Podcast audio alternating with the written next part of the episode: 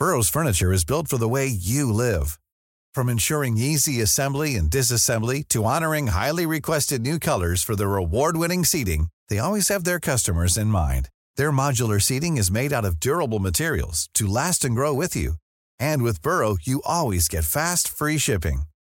Get up to 60% off during Burrow's Memorial Day sale at burrow.com slash ACAST. That's burrow.com slash ACAST.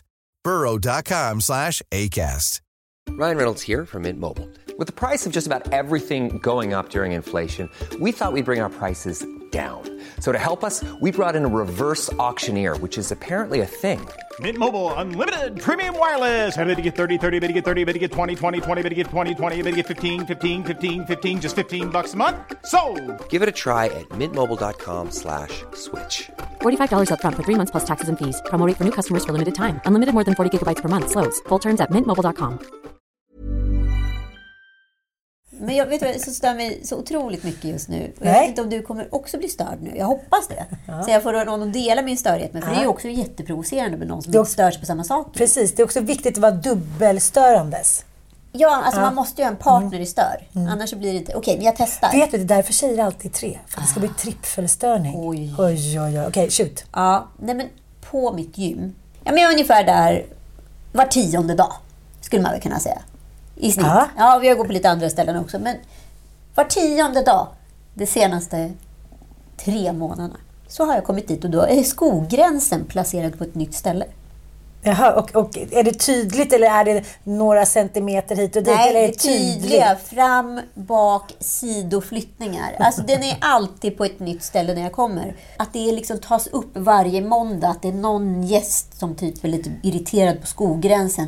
Och så flyttar man den istället för att tänka ut själv, var är det relevant att skogränsen sitter? Det är som att att man är så osäker och ängslig, vilket gör det liksom så jävla psyksjukt på något sätt. Ja, men jag tänker att det påminner väldigt mycket om eh, landsorten och typ änglagårdsmentalitet. Att så här, varje vecka i kyrkan, eller på skolmötet, eller i fikarummet så är det exakt samma ämne som tas upp. Och alla vet att det kommer inte hjälpa att man pratar om det här eller att man gör någon liten åtgärd. För det kommer vara nästa samtal nästa vecka, nästa år, nästa år. För att vi har något behov av det. Och det här är någon trygghetshandling. Flytta lite känns det bättre in i. Då, kriget är lite längre bort. Mannens otrohet försvinner lite. För nu har jag gjort en liten markering. Ja. Flytta till en liten skogräns. Ja, eh, jag kanske måste gå till ditt gym för att känna den här irritationen. Ja, exakt. Du, Ja. det, finns en, alltså, det är någonting i mig som triggas. Och vi kommer att prata lite mer om det i podden. Att eh, jag har alltså vaknat kallsvettig upp för att jag har förstått mina triggers. Just ja, Nu sätter vi igång. det gör vi.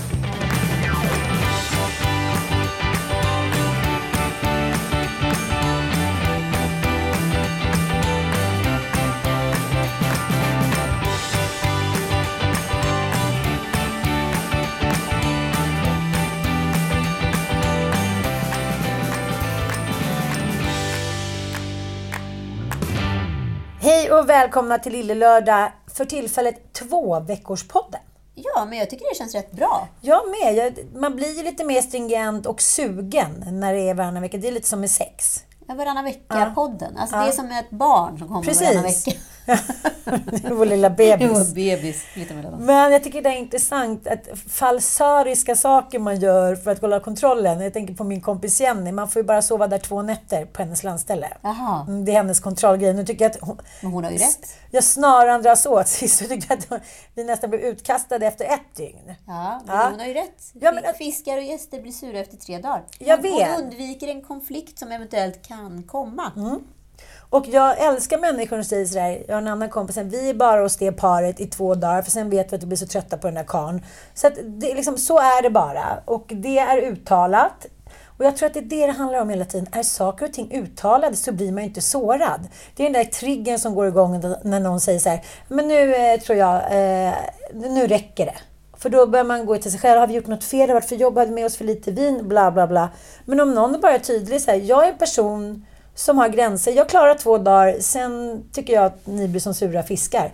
Då köper man ju det. Ja, men det är ju som inget ont om Joels familj och vänner och släkt eller någonting. Men liksom två dygn i Gävle är alldeles, alldeles perfekt Ja. för alla inblandade. Och jag menar, det är ju inte helt otärande att ha gäster. Att vara den som har Nej. gäster hemma. Det är ju, även fast man är, är i sitt eget hus så är ju någon annan där och klampar och ställer saker i fel, lägger saker i fel fack och vad det nu är. Liksom. Har andra rutiner. Det är ju det här när rutiner möts, det är då det blir jobbigt. Men då måste jag ställa en rolig dilemmafråga till dig. Jaha, ser man på. Nej, men jag läste en sån här psykolog som tipsade om hur man skulle liksom leva ett skönare liv eftersom alla pratar om den här nya då, eh, symptomet för kvinnor, perfektionssymptomen. Att det har blivit en, liksom, en sjukdomsbild. Att man inte ens kan se en penna ligga lite snett. Nej. Utan allting ska vara helt perfekt hela tiden. Eh, och så stod det öva på att strunta i att städa innan du ska ha gäster. Det är det sjukaste jag hört i hela mitt liv. Och jag har tänkt på det liksom så länge. Jag bara, nej, ingen ska komma hem till mig på en härlig middag och typ barnens kläder ligger ö- liksom gamla snorpapper från Ilon. Jag var såhär, nej för fan. Men så skulle jag själv gå på en fest i lördags och sen blev den liksom lite omstrukturerad. Så att vi skulle på en liten efterfest men hamnade på en annan efterfest. Att vi var tvungna att gå till, vi skulle till en tjej men Så ni skulle, gå gick aldrig på en fest överhuvudtaget, ni gick direkt till Ja. efterfesten. det blir omstrukturerat. Det brukar bli det vid tresnåret på morgonen. Nej, det var inte ens klockan var typ 11. Ah, ja, då kom vi hem till den här killen och han sa, men jag vill inte, nej, ska verkligen gå hem till mig och jag, jag har inte städat. Nej. Och då säger jag så här, och Vad då, menar du, sa du då? så, nej, men då blev det en diskussion. Sen var det jättefint där hemma. Men just det där att om man redan är lite stökig och kommer hem till någon som har det stökigt efter liksom några glas vin eller någonting. Då skiter man i det. Men ska man liksom ha någon middagsbjudning med fyra liksom Stockholmspar och se ut som ett härke. Nej, men då skulle de ju liksom aldrig mer komma tillbaka typ. Nej, alltså jag kommer Eller ihåg... alternativt tror jag att man är psyksjuk, vilket man är. Men, men, trauma för mig. Men dels mår jag ju dåligt när det inte är ordning hemma. Ja. Alltså jag mår ju, alltså jag mår du är dåligt. alltid väldigt fin. Ja, men för oftast. Liksom. Men Men inte ni har ganska att... lätthanterad lägenhet. Exakt. Visst har ni det? Ja. För jag tänker så här, där står det, där flyttas det. Men det är ju ändå det. saker på display och sådär. Och så ibland så är det i värsta fall en tvättkorg som står liksom lite ute. Men, men det är liksom lätt att göra, sig, göra ordning här. Det är lätt att plocka, Ja. bla bla bla. Ni Men, har inte mer än vad ni ska ha. nej, men jag hade i alla Särskilt i fall... din garderob. Nej, men du vet min gamla tjocka katt Pastrami, han som dog utav fetma. Vem? Bantarkatten Pastrami. Ja, just det. Han bantade i TV. Nej men gud. Hur som helst, han hade lite problem med magen på, i sluttampen där. Och så var det då en kompis till mig och mitt ex. Han var så här, jag tycker vi ska ha så här halv åtta smace, får vi så här tävla i maten. Det var bara för att hon var bäst. Såklart. Ja, Ja, ja. och så var vi så här, okej, fan nu ska hon få den jäveln. så vi bara så här, tänkte, nu vi- bjuder vi hem och visar vad skåpet ska stå. Liksom. Hade ändå en bra förrätt kände jag. Ehm, men det Pastrami då har gjort Alltså vi var så jävla nära att ha det i hamn, förutom när hon då skjuter fram foten lite när hon ska ställa sig upp innan hon går på toa innan desserten. Hon bara stappade foten i någonting. Ja, då har typ Pastrami då bajsat på vår mörka matta. Nej, nej. Och vi har inte sett det här. Så de gick ju då i vredesmod för att de tyckte det var så äckligt hemma hos oss. Och det där, det, det är liksom, det, det försabbade så mycket i mitt liv. Det är liksom ett trauma för mig. Jag Så fattar. vem vill ha det skitigt hemma? Literally. Nej, det är lite som så här, när man tycker att man ligger med sitt ex som har dumpat en.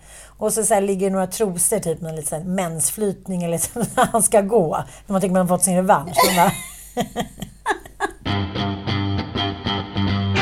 Du har många nya bästisar nu tycker jag när vi kör varannan vecka. Carola bland Ja. annat. Är det din nya bästis? Ja, gud, vi Ja. Mm. är såna high five girls nu för tiden. Nära. My, my, nära, som man bara kan vara Ja. med Carola.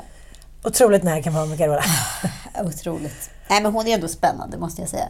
Nej, men jag vet inte. Jag är bara så glad att vissa människor orkar hålla upp Nej, men, det där livet. men ja, för att det är ju väldigt... Alltså, när man inte är i den här kändisbubblan hela tiden, vilket jag självvalt inte varit på väldigt länge. Mm. Eh, så helt plötsligt kan man ju komma med fräscha ögon och liksom lite ibland titta in. Och då blir man ju också så otroligt chockad över att de här typ, vad ska jag säga, gammelkändisarna eller elitkändisarna är så... De är ju väldigt speciella personer. De, liksom, de håller sig också, biter sig fast på någon form av kändis gyllene tråd. Det finns ju typ inga som har kommit efter 80 och 90-talskändisarna. S- Nej. Säg någon som liksom håller sig för. Det är fortfarande Carola, Pernilla och Persbrandt. Typ. Ja, nej, men det finns ju inte så många andra. Det Nej, finns inga men- superkändisar i Sverige. Nej, för alla andra är bara avatarer som härmar, försöker härma och det går inte. Men Sara Larsson är ju Sveriges största internationella kändis som egentligen inte är internationellt känd. Nej, men skulle jag se henne på gatan skulle jag bara säga hej, hej. Jag skulle typ inte ens bli imponerad. Alltså, det är så här, de som kommer nu, de är för många. De är för många, men det är ju som Hollywood. Hur många generationer har det liksom hoppat över? Nu börjar vi få liksom en ny kändisgeneration i Hollywood. Det har nästan gått 40 Jag vet. år sedan Tom Cruise. Brad där. Pitt ska är typ körs omkring i rullstol och är fortfarande liksom den hetaste snubben man kan tänka sig. Ja, men nu kommer ju Timothy Chalamet och Mm. eh, Austin Butler och Tom Holland. Alla de. Det kommer ju vara en ny era. Mm. Zend- Zendaya och så vidare. Liksom. Men fan vad lång tid det har tagit. Alltså. Ja, även när jag kollar så här, ja men det finns ju några riktigt bra skribenter, Essie Klingberg och ja, men, några så här, men annars är det ju fortfarande de gamla 90-tals och 60-tals och 50 Jan Guillou. Ska, ska vi aldrig ge upp? Nej. Nej, men han kommer Herman. Lindqvist. Jobbar 24-7. Man bara lugna ner nu. Karin Nej, Månsdotter. ja, det är ingen som vill gå i pension. Alla har blivit, har blivit sådana narcissister och nu när det är okej, då fortsätter de till pinnen trillar av. Precis, Ja. men du hänger med, med Carolas ex har jag förstått. Nej, men det var ju den här... startade ett falskt rykte. Ja, nej, det- nej, det är inte tillräckligt. Nej, men det var ju roligt med Carola, hon hade ju release av sin nya konsertfilm. Absolut. Jag var Och- där. Ja, det var där. Eh, Jag kunde inte. Men kom, sprang på henne efteråt när hon och hennes entourage satt åt räkfrossa eh, efteråt då på Sturehof. Och då har hon ju sin liksom andliga eh, ledare, en snygg kvinna Ja. några glittergrejer, som alltså är med henne hela tiden. Eh, och eh, hon, här, hon har, och så är det Dorin, Doran. Ja. Det är liksom ett litet entourage, det kristna entouraget, som eh, hör ihop. Och det är inga tråkmånsar. Nej, nej, nej. Nej, nej, Men det, det är ju det också, jag måste ju ändå säga, jag var ju på två begravningar förra året, man nu får recensera begravningar. Ty, ja, jag vågar inte det. Nej, men jag går du ändå dit Ah. och recenserar objektivt. Du går i dödens väntrum. Nej, ah. men vi- kan säga så här, vi recenserar religion. Eller göra. Ja, det inom religion. Och nu pratar vi då kristendomen, där Mm, det också finns en himla massa falanger, precis som andra religioner. Men efter Berghamens begravning så kommer väl ingen längre bli fördömd för att lägga ut en bild på begravning? Nej, absolut inte. Men då var den ena begravningen en pingstbegravning Ja. och den andra begravningen var en kristen, alltså protestantisk kristen Svenska kyrkan begravning. Och den var pingstvännerna. Och den andra var pingstvännerna. Mm. Pingstvännerna, man satt och sjöng Han har öppnat pärleporten Jag tror att du tror att det är en skämtlåt. Komma in, komma in. Ja, alltså man Ja. på liksom. Det var tjoigt, gnoigt. Det var party. Det var party. Mm. Det var partybegravning. Och då tänker jag så här, för det som var i den Svenska kyrkan begravningen var det så här mycket skuld och skam och man ska be Mm. på sina bara knän inför Gud. Alltså det var mycket liksom... Ja, men det, den, När alltså, blev du Jonas Gardell? ja, jag har väl alltid varit Jonas Gardell. Du har alltid varit en smygardellare. Jag, jag har ju- har ju rätt bra Gardell-imitation. Eh, det har vi ju haft någon gång. För det- tusen år sedan i podden. Ja. Ja, ja, ja, men hur som helst. Och då blev, Ja. var det mycket skuld och skam. Och då kände jag så här, fan vad roligt de har. I Pingstkyrkan. Det var så jävla roligt. Och då måste man ändå ge liksom Hillson och Pingstkyrkan och Philly och allt vad det är. Att de var ju rätt kul. Ja, jämför Carolas och eh, Runars bröllop med många andra man har varit på. Jag har haft en del, eh, vad ska jag säga, oväntade möten med Carola-klanen. Ja, vad Mm. senaste tiden. Dels eh, så är jag ju den ofrivilliga Amadeus-fanset. Alltså inte ofrivilligt, men jag är ju... Han är mina- BP, eller hur? Ja, han är ju stor stjärna i BP. Och mina söner eh, älskar honom. Och där Såklart. tycker jag är så roligt. För han är ju sötast i laget. Ja, men det är helt Ja, klart. då tycker de att han är sötast i laget. Och därför tycker de att han är bäst. Ja, men är varför tror alla småpojkar älskar Cristiano Ronaldo? Det är för att Ja. han också ser ut som en liten söt pojke. Ja. Så peddodrömmen Ja. liksom lever på. Men det höll på att bli stort familjedrama. Va? Mm. För Frasse var inkvoterad. Just det, han har Mm. kommit in i akademin. Det är ingen som har missat det, tror jag. Men nu fick du även ett yta till att berätta det. Ja, men, ja, jag får inte säga för mycket för då blir jag åthutad. Utan vem då? Silverpilen. Storchefen. Nej, det blir jag inte. Men det, det är så här, det finns ju en man eh, som leder det här sedan 40 år tillbaka. Ja. Som jag kallar för Silverpilen. Han heter Tommy. han, eh, han går ju runt där. Han är liksom the king. Big cuckoo. Ja, och nu när man är med i akademin då så är det ju stenhårt. Man får inte gå fram till barnen under träning eller match och liksom lämna en tröja eller något sånt där. Och Frasse då som har fått för sig en isbjörn är inne i det där Grimsta-tältet utan... Alltså han har bara shorts och t-shirt. Vilket gör att jag har ju sån påslagen stressnivå under hela matcherna så jag blir bara springa med olika flisgrejer hit och dit. Och förra, förra träningen så gick, gick jag runt i smyg och gav honom en tröja. Nej men du vet, det blev en sån åthutning. Oj, oj, Oj, oj. oj, oj. Det går inte... Alltså, Nej, okej. Hur som helst är det på den här matchen. Det är Häcken. Några barn ska sätta på sig Häckenkläder och några eh, liksom Brommakläder. Frasse ska få en liten Häckendräkt och hit och dit. Och helt plötsligt så är det några andra ungar som varit oanmälda som kommit in och tagit Frasses dräkt. Oj, oj, oj. Ja, och han blir förtvivlad för du ska ha Brommakläder att gå in i ett annat rum. Nej, men allting blir kaos. Så jag säger som- till de här killarna.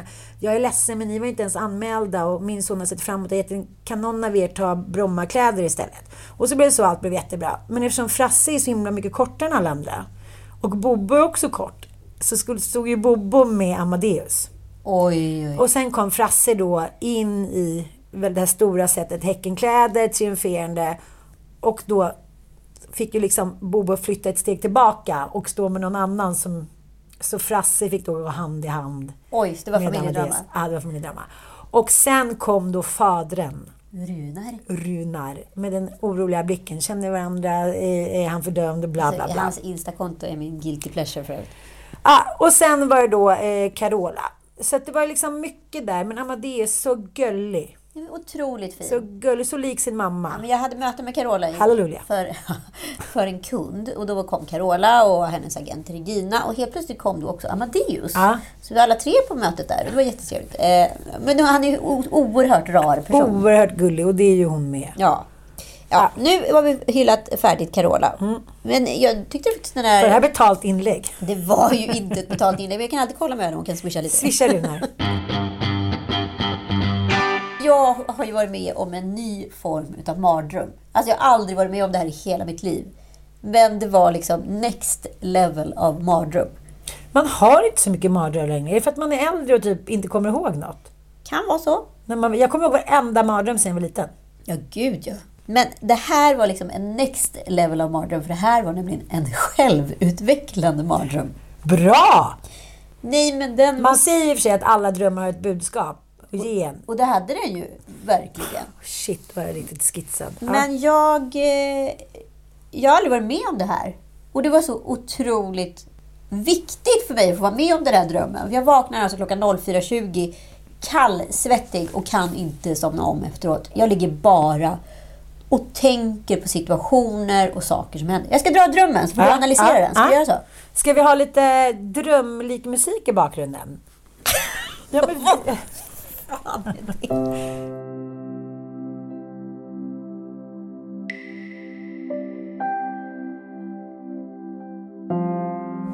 jag och ett glassigt gäng. Vissa påminner om människor som jag umgås med. Men det är ingen som är mina liksom, nära eller kära kompisar. Men de har drag från nära och kära kompisar. Vi är i alla fall på en väldigt fin lyxig krog i Paris. Det är en, en sån här trestjärnig Guide Michelin-krog och vi har sett fram emot det här restaurangbesöket länge. Vi är pepp liksom. är den hittepå eller är det en fysisk Nej, krog? det är ingen fysisk restaurang, men den ligger ungefär där en annan jättefin Ja, restaurang som jag har varit på är. Så att jag, jag är väl liksom bekant med liksom, Avatardröm. Det är mycket avatar på dig nu, oklart vad. Jag har fortfarande inte sett filmen. men Nej, men ändå du, du, du gillar ordet. Jag fastnar lite på ordet och så kör vi på det. 20 år sedan. Ja, jag fortsätter. Förlåt. förlåt. Ja. Åh herregud, nu, nu blir jag nästan panik att du ska se den här filmen och bli ännu mer besatt. För det kommer du bli. Ja. Det. Ja. Du såg ju också Titanic 18 år efter alla andra. Så ingen är förvånad. 2030, då händer det. Annars Fråga mig om, om filmerna håller. Det är väl bra? Den nya recensenten 18 år senare. Det är så dåligt. Tyst! Ja, förlåt, din dröm. Min dröm. I restaurangen så har de som små, inte supersmå, rätt stora faktiskt, akvarium med jättesöta små griskultingar och jättesöta små vita ankor. Du vet, så här, riktiga ankor. Ja, jag fattar. Storankor. Yes, Ja. yes liksom. Ah, i akvarium? Det måste vara ett jätteakvarium. Ja, men det var stora akvarium, men de var ändå liksom små, för det är ändå på en restaurang. Men det var liksom som en installation, det var nästan som en konstinstallation. Så att det var det vi trodde att det var. Liksom var så här, wow, fan vilka coola verk, vem är det som har gjort de här? Ja, men du vet. Och så tänkte vi inte så mycket mer på det. Vi, det var väl liksom bara en cool upplevelse. Vi slår oss ner vid bordet och så öppnar vi menyn. Och då inser vi att alla rätter har någonting med liksom spädgris eller någonting med anka att göra. Gud vad äckligt. Och då förstår vi ju att det är ju djur som vi ska äta. Och få liksom någon form av kollektiv panik. Vi är ju en grupp på åtta personer. Och så här, kom överens om att så här, vi äter ingenting på restaurang, men vi, vi betalar för djuren. Så tar vi djuren. Och så, och så tar vi med dem till det här landstället som vi ska vidare till imorgon. Eh, För där kan man ha både gäss och grisar. Liksom. Så det blir liksom en kollektiv plan och det är ju såklart inte helt eh, okomplicerat och de är väl inte jätteglada på oss på restaurangen och säger vad ska ni göra med det här? Och, ja, det är mycket frågor. Hur som helst så lyckas jag få dit något så här ryska postenbud från Sverige. Det på SD. The Russian Post. De heter inte det längre ens. Men de heter bara Posten. Ryska. Men, men då, då, vad heter det? Eh, Så de kommer dit, alla åker hem, eller de åker rättare sagt före mig till landstället. Och jag kommer då som projektledare, självutvald projektledare för det här. Noaks ark i Paris. Noaks ark-projektet. Hur ska du få med i små lastbilar? Nej, jag kom, det kommer en ryska postenbil. Vi har liksom, liksom löst någon form av buranordning och får liksom in med dem. Jag åker med budet ut till Du har läst landstället. för mycket om Cervaz. Tydligen. Jag kommer ett dygn senare. Jag offrar min egen helg till förmån för djuren och lösa det här problemet för att forsla dem till min väns landställe. När jag kommer till landstället då är det som att de sitter i du vet, tågvagnen före. De har liksom släppt hela djurgrejen. Helt. De har börjat sin middag, den middag som jag också skulle vara en del av. Eh, De är fulla och glada. de är fulla och glada och tycker så gud vad kul att du tog så mycket ansvar för det här med djuren. Ja, just det. Ställ dem där borta bara, typ. Exakt den känslan. Exakt den känslan. Så jag blir, alltså i mig så väcks en vrede. Dels tycker jag att de är så här respektlösa för att jag har liksom offrat min tid. Det är ingen som har bett mig göra det här. Nej. Det är jag som har tagit på mig att göra det här. Eh, Så jag vill sabba festen för dem. Så det små, minsta draget hos mig kommer fram. Jag vill liksom sabba för de andra för att de inte uppskattar min prestation tillräckligt mycket. Eh, och liksom alla de här småsinta känslorna kommer över mig och jag vaknar i någon form av så här, liksom, ångestskölj av att så här, jag är en småsint person som tar på mig alldeles för mycket ansvar och då ska jag straffa folk för att de inte respekterar mig tillräckligt mycket. Alltså det var så jävla hemskt. Det var liksom mina triggers formulerade i en dröm.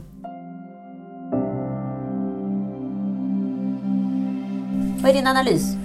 Att eh, den här drömmen har sparat in många tusenlappar till dig och psykolog. Eller hur? För det är verkligen dina tre triggers. Ja.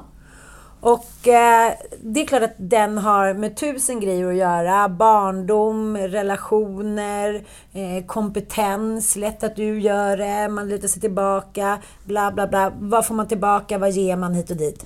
Men jag tycker du ska ta den där drömmen verkligen på allvar. Eller hur? För det är lite så här som du och jag pratar en hel del om så här, vad ska man foka på och vad ska man inte foka på? Man kan inte rädda hela världen. För egentligen så var det ju, ni såg er själva där.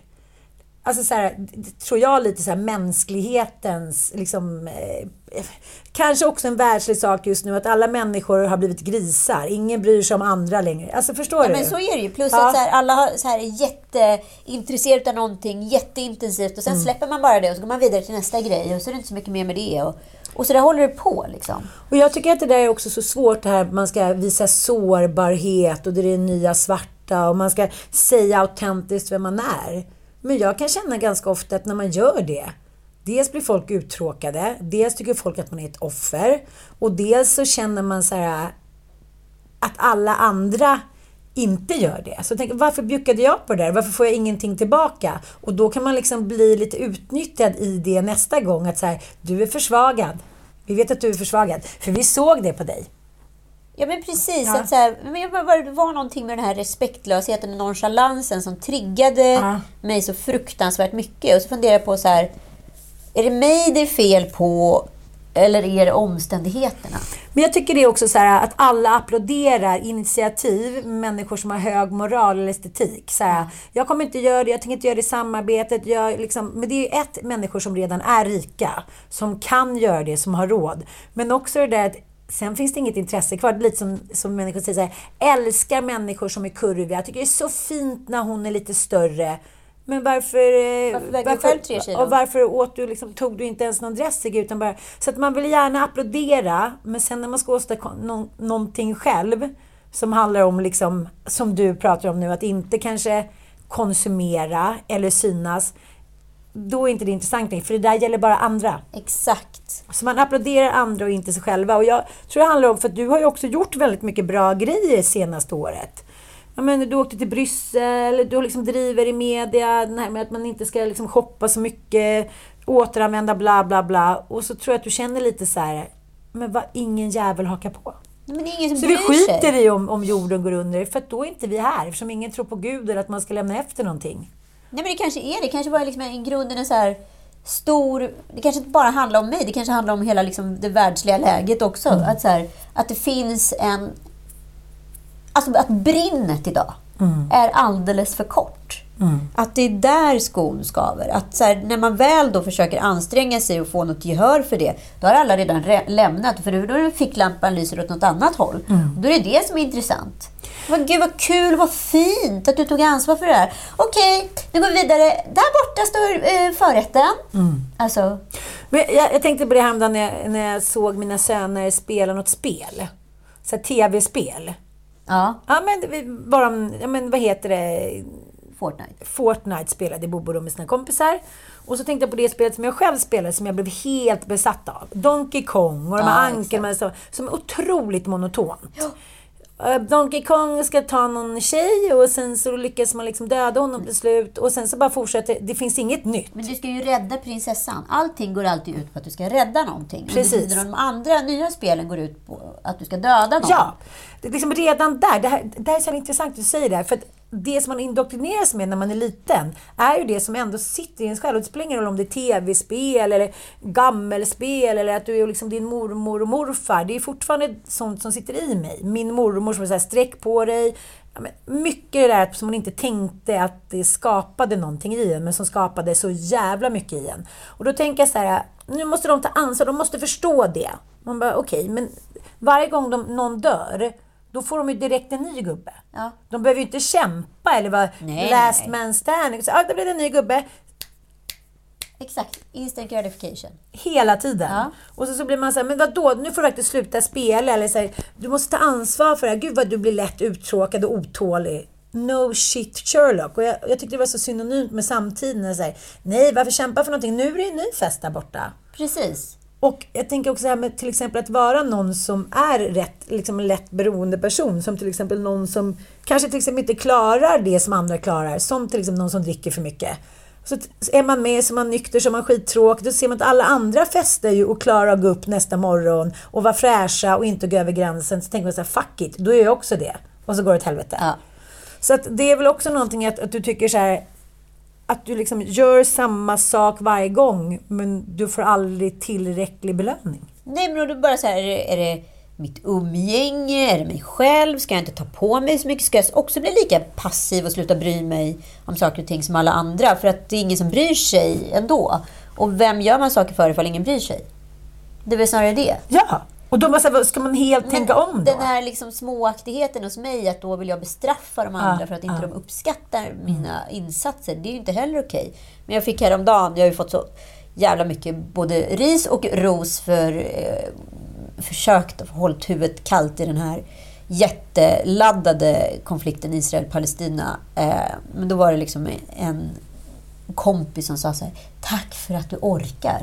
Och då var jag så här, Ja, för vem annars ska orka? För det är ingen som bryr sig. Det är alltid, och jag blir ju också så här arg på att bli crazyfierad när man liksom åtminstone försöker vara relevant. När ingen annan är relevant. Hela världen kokar, eller bara antingen kokar den eller så skiter folk i det. Ja.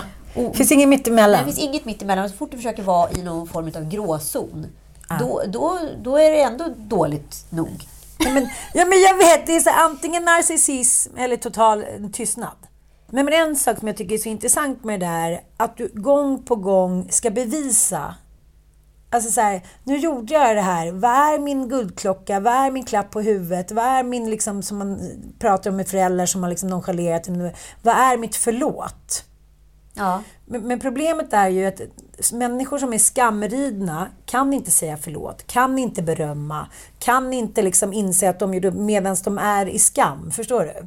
Och då säger min terapeut så här, det spelar ingen roll. Eller, det är ju så här, vedertaget inom beroende och medberoende. Så här, att man hela tiden ska be bevisa för en andra, överbevisa Även fast man blir behandlad som skit så ska man gång på gång säga Nej men jag var inte så, jag är en bra mamma, jag var jättebra på jobbet, jag var duktig på det, jag är snäll, nej jag städar bra. Fast man vet att så här, människor är så själsligt sjuka idag. Åtta, nio av 10 är ju själsligt sjuka. Du kan ju inte skrika, liksom, du kan inte skrika och beräkna få ett, liksom ett friskt svar av människor som är sjuka. Nej, men är det Förstår det? jag menar? Jag fattar vad du menar. Men jag att du vill också- bevisa gång på gång, fast du har ingenting att bevisa. Nej, jag vet, men samtidigt tänker jag på det här eh, andra draget som kom upp i drömmen. Att så här, när folk då inte vill lyssna eller vara tacksamma nog, Ja. då ska jag bestraffa Ja. dem och sabba deras Ja. fest. Som i slutändan blir liksom att alla förlorar på det och stämningen förstörs. Eh, Men det- är också inom så medberoende, som man ska bemöta med kärlek och hit och dit. Men, men om man inte liksom tycker att man får lika mycket tillbaka som vi pratade om, då är det ju svårt. Och då hamnar man ju i sin trigger, att man blir som ett barn som är så tänker inte jag följa med på den där festen? Nej, ska du vara hemma då med hunden? Ja, det ska jag. Och så liksom stänger man in sig på rummet och bara Anson, nu ska vi åka, dina kompisar väntar på dig. Tänker inte följa med, men är du verkligen säker älskling? Okej, gå före, jag kanske kommer det är ju ett väldigt barnsligt sätt att säga det är ju ett otroligt triggersätt att du förmodligen inte har blivit tillräckligt sedd under din uppväxt eller bekräftad eller fått utmaningar och säger det här är okej att göra så och nu lyckades, nu lyckades du inte. Du har inte fått stöttning så du har fått göra allting själv och sen slut säger nej men vad fan, när blir det payback time? ja, men eller hur? Och då hamnar du i din lilla Och femåring. då hamnar jag i min lilla femåring och ska jag så här minsann visa att så här, nej, då ska jag sabba så att de inte kommer heller ha kul och då kommer ingen ha kul och då känner alla, då är det rättvist. Ja, och så är det Columbine.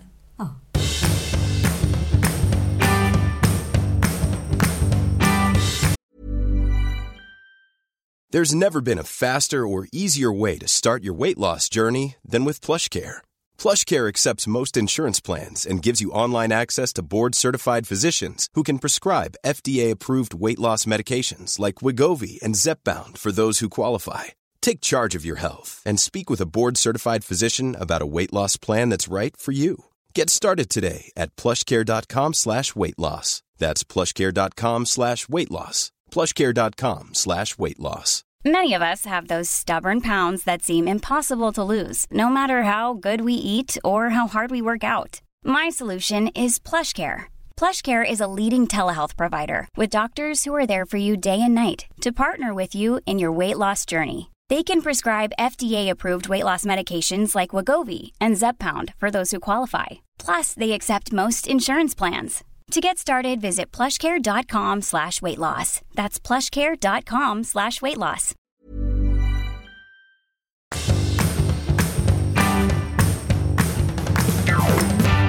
Ja, det är mycket träning nu för tiden, höll jag på att säga. På barnen i alla fall. Jo tack. Jo, tack. Ja, men jag har ändå en så här oplockad gås här med. Fan, det är mycket, jag är on fire idag, jag känner det. V- Ja! Jag sitter, jag blir mer och mer dåsig, men det gör ingenting. För jag, du kan, det, det är din tid på scenen där älskling. Oh my god. Ja. Nej. Jag äter lussebulle och dricker kaffe. Nej, men jag blir ändå förvånad. Nu, nu, nu säger inte jag, det här säger inte jag för att vara duktig. Jag vill Nej. vara väldigt tydlig med det. Jag säger bara det här för att jag undrar. Jag stilla undrar. Jag undrade på Instagram häromdagen. För att det som slår mig eh, när man då har barn som tränar olika aktiviteter och sporter och det kan spela ingen roll om det är musikskoleklass eller vad fan det nu är. Och skolaktiviteter. Så är det alltid ungefär samma föräldrar som säger ja, vi ställer upp och jobbar i kaféet eller vi hjälper till eh, och pyntar klassrummet eller säljer grejer på skolbasaren. Vad fan det är. Och det är alltid samma jävla föräldrar som håller käften. Som liksom kommer undan, förstår Jag fattar. du? Och då undrar jag så här, vad är liksom berättigandet? Vad, vad, vad, hur ser man liksom på... Är barn bara någon sån form av så här kuttersmycke i ens eget liv? Och, men man själv har inga skyldigheter att liksom vara med och vara en del av deras liv och verksamhet. Det finns ju inget finare på jorden än, även fast de säger Gud vad pinsamt, mamma är med ikväll, jag vet, fast jag vet hur glad min dotter blir. Att jag är där och närvarande och delaktig i hennes liv och förstår vilka som är med i laget och, och så vidare. Eller vad det nu är. Alltså, och det är alltid samma sak i skolan med. Och jag blir bara så här... Vad gör de här föräldrarna som väljer att säga nej? Eller liksom inte säga någonting överhuvudtaget? Jag förstår ju att folk har mycket att göra, men det är också... I grunden så är det ju så här... Har man bara barn när man har tid med dem? Ja, nej, det, det är väldigt intressant och det är ju väldigt brännande för mig nu som sex dagar i veckan då ska tillbringa en tid i ett iskallt tält. Eller tio dagar i veckan, så det går ju inte ihop eftersom Bobo. Eh, men det är som du säger, jag tänker på min egen uppväxt. Mamma var ju alltid där. Ja, och mamma var alltid där Ja. för mig med. Men vi, vi måste också se i lite då eh, historiskt perspektiv. Min mamma, eh, när vi var små var ju hon väldigt närvarande. Hon jobbade lite som en ditten och datten eh, för att kunna vara hemma och, med oss. Det var, liksom, det var inte så noga. Nej. Bara hon kunde liksom hämta oss och fixa hit och dit. Pappa var ju någon annanstans och eh, verkligen inte reflektera över att han inte deltog. Nej, och det är ju också en poäng i det här. Det är aldrig en man, någonsin, Nej som anmäler sig. Och vad är grejen med det? Alltså det eller, nu, nu är det här kanske väldigt specifikt för Stockholm och för de områdena jag bor i. Men det är ju ytterst sällan att män Mm. säger så här, fan jag hjälper till i kaféet. Vad är grejen? Varför ska inte de stå och hjälpa till i kaféet? Nej, de vill göra de grejerna. De vill vara fotbollstränare och Ja, de- liknande. Där man kan få stå och visa och någon vinner och gör mål. Den så här, fan bra jobbat med laget. De här mjuka värdena att stå och liksom koka en kopp kaffe eller liksom bära in en soffa från, ut, från laget för att barnen ska kunna sitta på. Det är, det är inte tillräckligt för gratification för män. Nej, men för det var också intressant, för jag var med min son då på fotbollsträning i, i förrgår. Och då eh, var det ju typ hälften mammor och hälften pappor som var där. Och sen kom laget som var efter. Det drällde in liksom 20 farsor. Var inte en enda kvinna med. Och då tänkte jag så här, ja, vad spännande övervikt åt andra hållet. Ja. För det är inga problem. När sönerna ska spela fotboll, då är man där. Mm. Men sen finns man inte lika ofta där för döttrarna. Och absolut inte i någon form av skolbasar. Nej, och det är också väldigt tydligt att ensamstående mammor står på fotbollsplanen såklart, för de har inget val. Medan eh, lever man i ett, liksom, i ett ordnat eh, liksom parliv, då är det papporna som är där. Så att det är så här, mammorna kommer ju liksom inte riktigt undan om man inte lever i en börjenvärld. Så är det Så, ju. så är det. Men samtidigt så tror jag att det handlar om Eh, många, många kommer från tradition att man gör så. Det ser man ju på familjerna som vi umgås med. Att så här, de som hjälper till ofta, det är ju de som kommer från en bakgrund där det har varit lite föreningsliv och man kanske inte har haft så mycket fester och middagar och wab och wab och hemma. Nej, men precis. För att säga Fredagskvällar är det ju träning. Då tänker jag så här, men nu, eh, nu ska vi ha lite, nu ska ju Anderssons och Af, eh, Snabel komma över så här. Men fan, det där fixar väl. Kan inte de åka med Rosbergs idag då? Att det handlar också om attityd och jag tycker man ser det väldigt mycket i den här debatten om torskarna. Ja. Att det liksom finns en attityd i det där att liksom överklassen eller de som är kända och vackra, så här, de har ju ideal att leva upp till men de har ingen moral. Nej. Vilket gör att det blir liksom väldigt suddigt för Ja, oss som tittar på, tycker jag. Att det blir så här, det är klart man ska hänga ut dem. De som är framgångsrika och snygga och har pengar. Jo, ja, men de är ju uppväxta med att det där är tyst okej. Eh, De lever ju kvar i innan metoo, för det har man gjort i tusentals år. Och det är ingen som sätter ner foten, för att det är liksom... Det är bara så det är. Det är oskrivna regler. Ja, precis. Men tillbaka till så här, jag undrar, för jag tycker så här, det som här, skapar förebilder idag, det är ju de närvarande föräldrarna och de som orkar dra det här laget liksom, i mål i dubbel bemärkelse med bångstyriga ungar, ungar som inte vill, ungar som är usla och så vidare. Men ändå liksom peppar dem och motiverar dem varje dag. Eller de som är med och närvarande i både kropp och sinne. För jag ser ju också väldigt många föräldrar vid sidan som bara står och tittar i sina jävla telefoner. Så när det där barnet då gör den här prestationen, för det är allt varför man är där, oavsett om det är en pianoklass eller vad det nu är. Det är för att man, barnet ska kunna titta upp och ge den här blicken utav bekräftelse. Ja. Och får man inte tillbaka den då, då, då måste ju barnet tolka sin egen liksom, prestation. Och då blir ju det skevt från början. För då får ju barnet indirekt någon idé om att den inte är tillräckligt intressant. Ja, att ja. det är intressantare det som sker någon annanstans. Ja, och det var när jag läste om Jesper Juhls Ditt kompetenta barn. Ja. Vila i frid, du underbara danska gubbe. Han var, ju, han var ju först med alla de här Exakt. eh, tankarna på att vi hela tiden vill att våra barn ska prestera. Och liksom också där du rör dig och jag också, så kanske inte jättekul att kolla på någon som liksom är så här usel i fotboll, för det är ingen payback. Det kan inte bli någonting av det. Som Ilon sa till mig, det är skitbra nu när, han, eh, när Frasse kommit med i akademin, då kan han försörja dig när han blir gammal mamma. Jag säger, jaha, men gud, det har jag inte ens tänkt på. Gud vad bra! Så då tänker jag att det såklart handlar eh, en del om att vissa kanske inte... Ja, men jag tänker också när, när man är nyskild så är det ett himla engagemang Ja, just hos det. papporna. De är med på allt. Oj, oj, oj. För de eh, har inget annat liv. De har inga kompisar kvar. De har ingen, men så träffar de en ny kvinna. Och då bara, oj. Oj, då försvann det. Så att, så här, det är lite som det är. Men jag tror verkligen att det handlar om vad man har för inställning till, eh, vad ska jag säga, prestation. Att det är så här, är- finns det ingenting att kunna vinna på det här? Eller vara stolt över, eller skryta med, som jag gör då med Frasse. Som nu har kommit på också har en vinst. Eh, Då är man hellre kvar och tar liksom ett glas bubbel med sina polare på baren. För det är barnen då, det är så här, gud, det är bättre att de är med på några aktiviteter så vi kan få tid för vårt liv. Så hela syftet har varit att så här, sätta lite barn på jorden för att man ah, blir mycket bättre människa. Ja. Men man har inget intresse i deras liv och deras värld. Alltså hur ska jag veta vad som händer på en hemmafest ifall inte jag liksom lyssnar på min dotter nu och förstår vilka som är, börjar redan precis som poliser gjorde förr i tiden, kartlägga vilka kommer vara problem med och vilka kommer det gå bra för. Liksom. Och hur ska tjejer förstå sitt enorma värde när det står så här 25 föräldrar på killarnas matcher och tre på tjejernas? exakt. och de får andra tränare, de får inte lika mycket betalt och Zlatan tycker så här, de kan väl ha någon cykel. Alltså, det är inte svårt. Fotbollsförbundet, he- helt plötsligt så bestämde de sig att nu får tjejerna lika mycket för VM och OS. Ha, det höjde liksom tjejernas värde på fotbollsplanen med typ 600 000 procent. Ja, är- Det är inte svårt. Gå dit och titta på dina barn. Jag vet, om jag inte tittar på Frasse när han liksom tränar, då kommer han fram till mig. Sluta kolla i telefon. Ja, men det, Jag han fatt- säger åtminstone till, men det är inte speciellt många barn som det gör är klart inte. De är såhär, jaha, då börjar man direkt, särskilt tjejer tror jag. Jag är inte tillräckligt bra, det är inte kul att kolla på mig. Men jag är så glad att Frasse gjorde, han gjorde det där redan när han var fem. Mamma, du måste ju titta på mig, varför är du annars här? Och då ställa sig frågan, det. Ja, vad är jag annars här och, för? och, och varför jag har kommit jag till den här jorden och skaffade barn till den här Ja, jorden? men, alltså, gör man ju sin föräldraplikt, men inte sin skyldighet. Nej, jag vet. Jag håller med dig. av tid. Alltså, det är så jävla viktigt. Och våga prova, för när man får det tillbaka när man är med barnen väldigt mycket. Du vet, det finns inget mer underbart än att men vara med det- sina barn. det det Ingenting konkurrerar. Det är det ljuvligaste på jorden. Och Ja. det, kan man liksom, det spelar ingen roll hur roliga ballafester det än är eller kul eh, händelser. Därför tror jag på kvotering inför allting. Halva liksom föräldraledigheten, halva på det här. Nu är det Leffe och Eriks tur att stå där. Rullande schema, som tyvärr då kvinnor ska göra. Som tyvärr då kvinnor ska göra. Mm. Jag blir, jag blir bara så här, grunden så tycker jag så här, fan.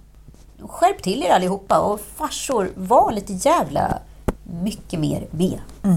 Men här kan du ändå vara stolt över dig själv. Här känner du dig nöjd med dig själv. Här vet du att du gör någonting bra. Försök översätta den känslan till din drömkänsla.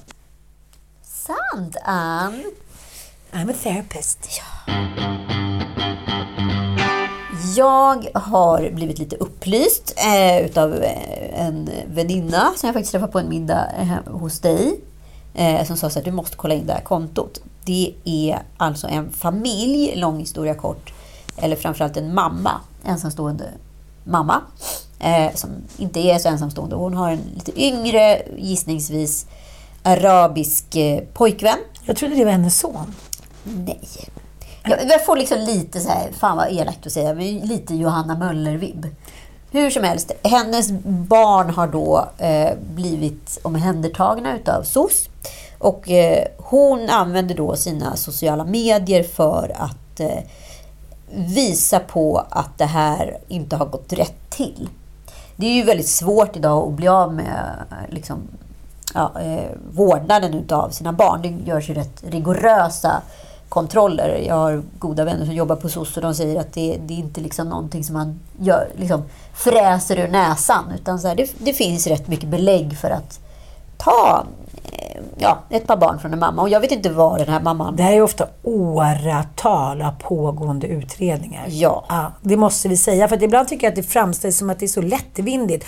Ja, då hade, hittade vi eh, liksom ett, ett, ett, lite alkohol där hemma. Och då tog de barnen. Och hon hade, de hade inte kläder på sig när de kom. Hon fick Nej. vara i sig jättemycket utav en slump. Ja, nej, det, det, det är, de, och de flesta socialtjänster gör ett jävligt bra jobb. Det finns ju liksom eh, mänskliga faktorn och rötägg överallt. Men eh, det, det är liksom inget fel på den svenska socialtjänsten. Nej, det är De kämpar fel. på. De kämpar på. Men hur som helst, fam- familjen då eh, har dels som ett Instagramkonto, men de har väl ännu större TikTok-konto. Där lägger de ut allt på filmer från när barnen blir omhändertagna utav SOS. De har alltså filmat det.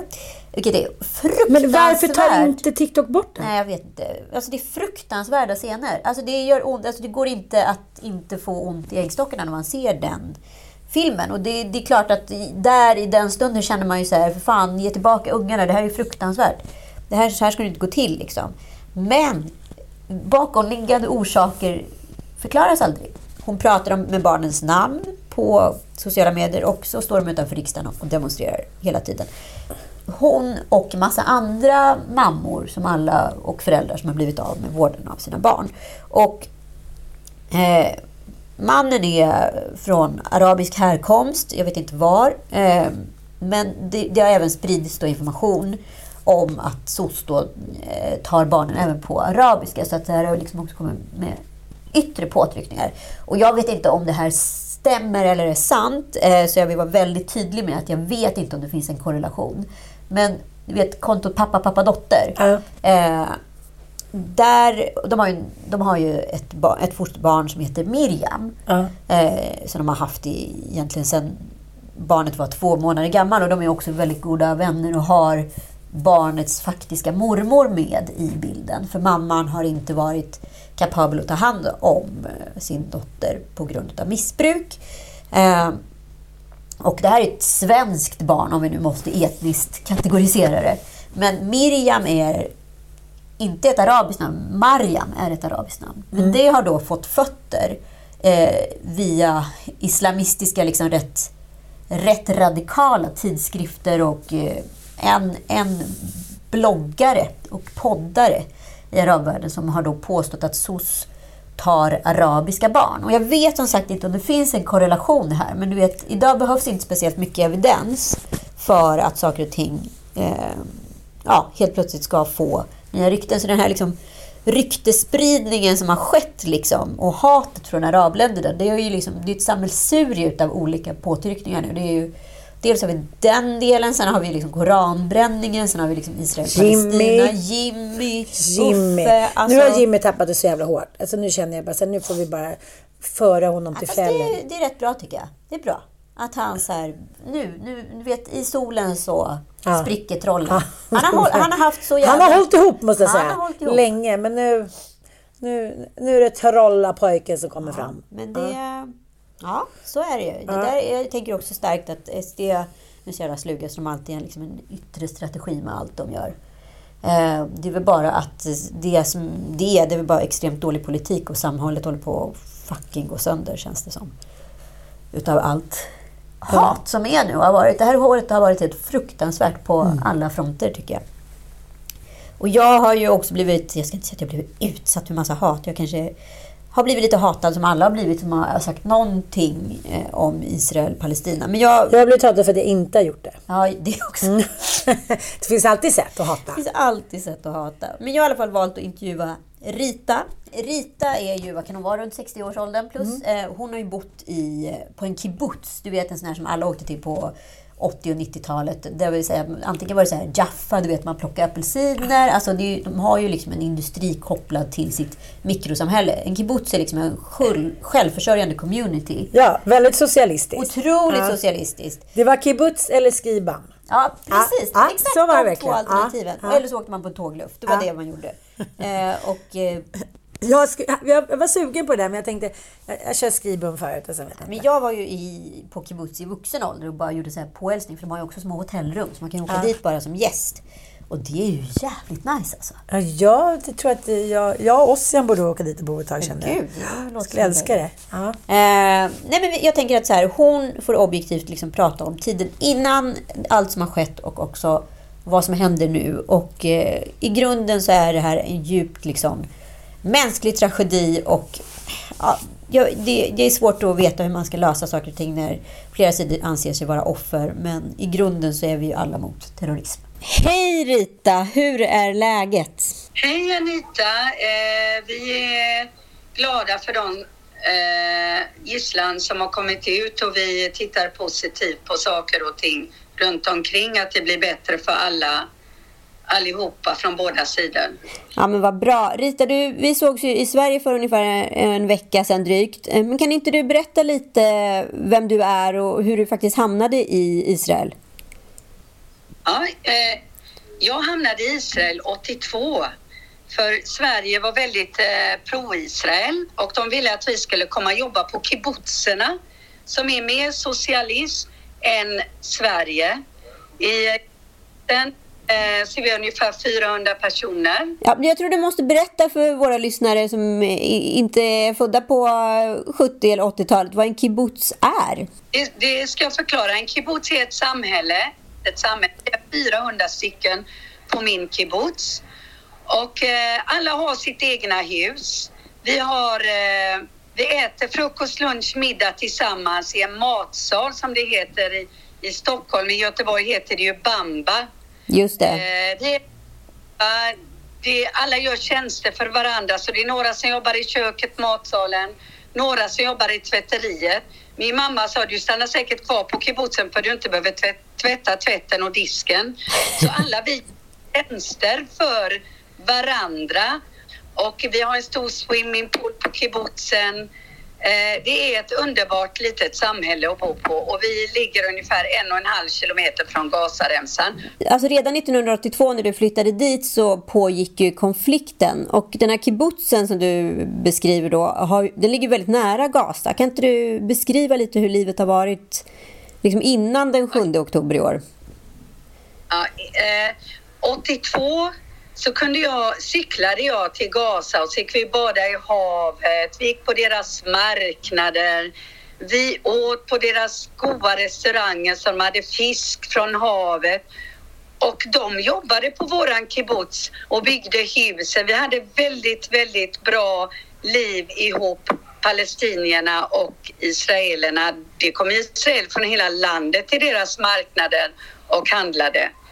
Sedan kom ju konflikten intifadan 89 och då började det att gå åt fel håll.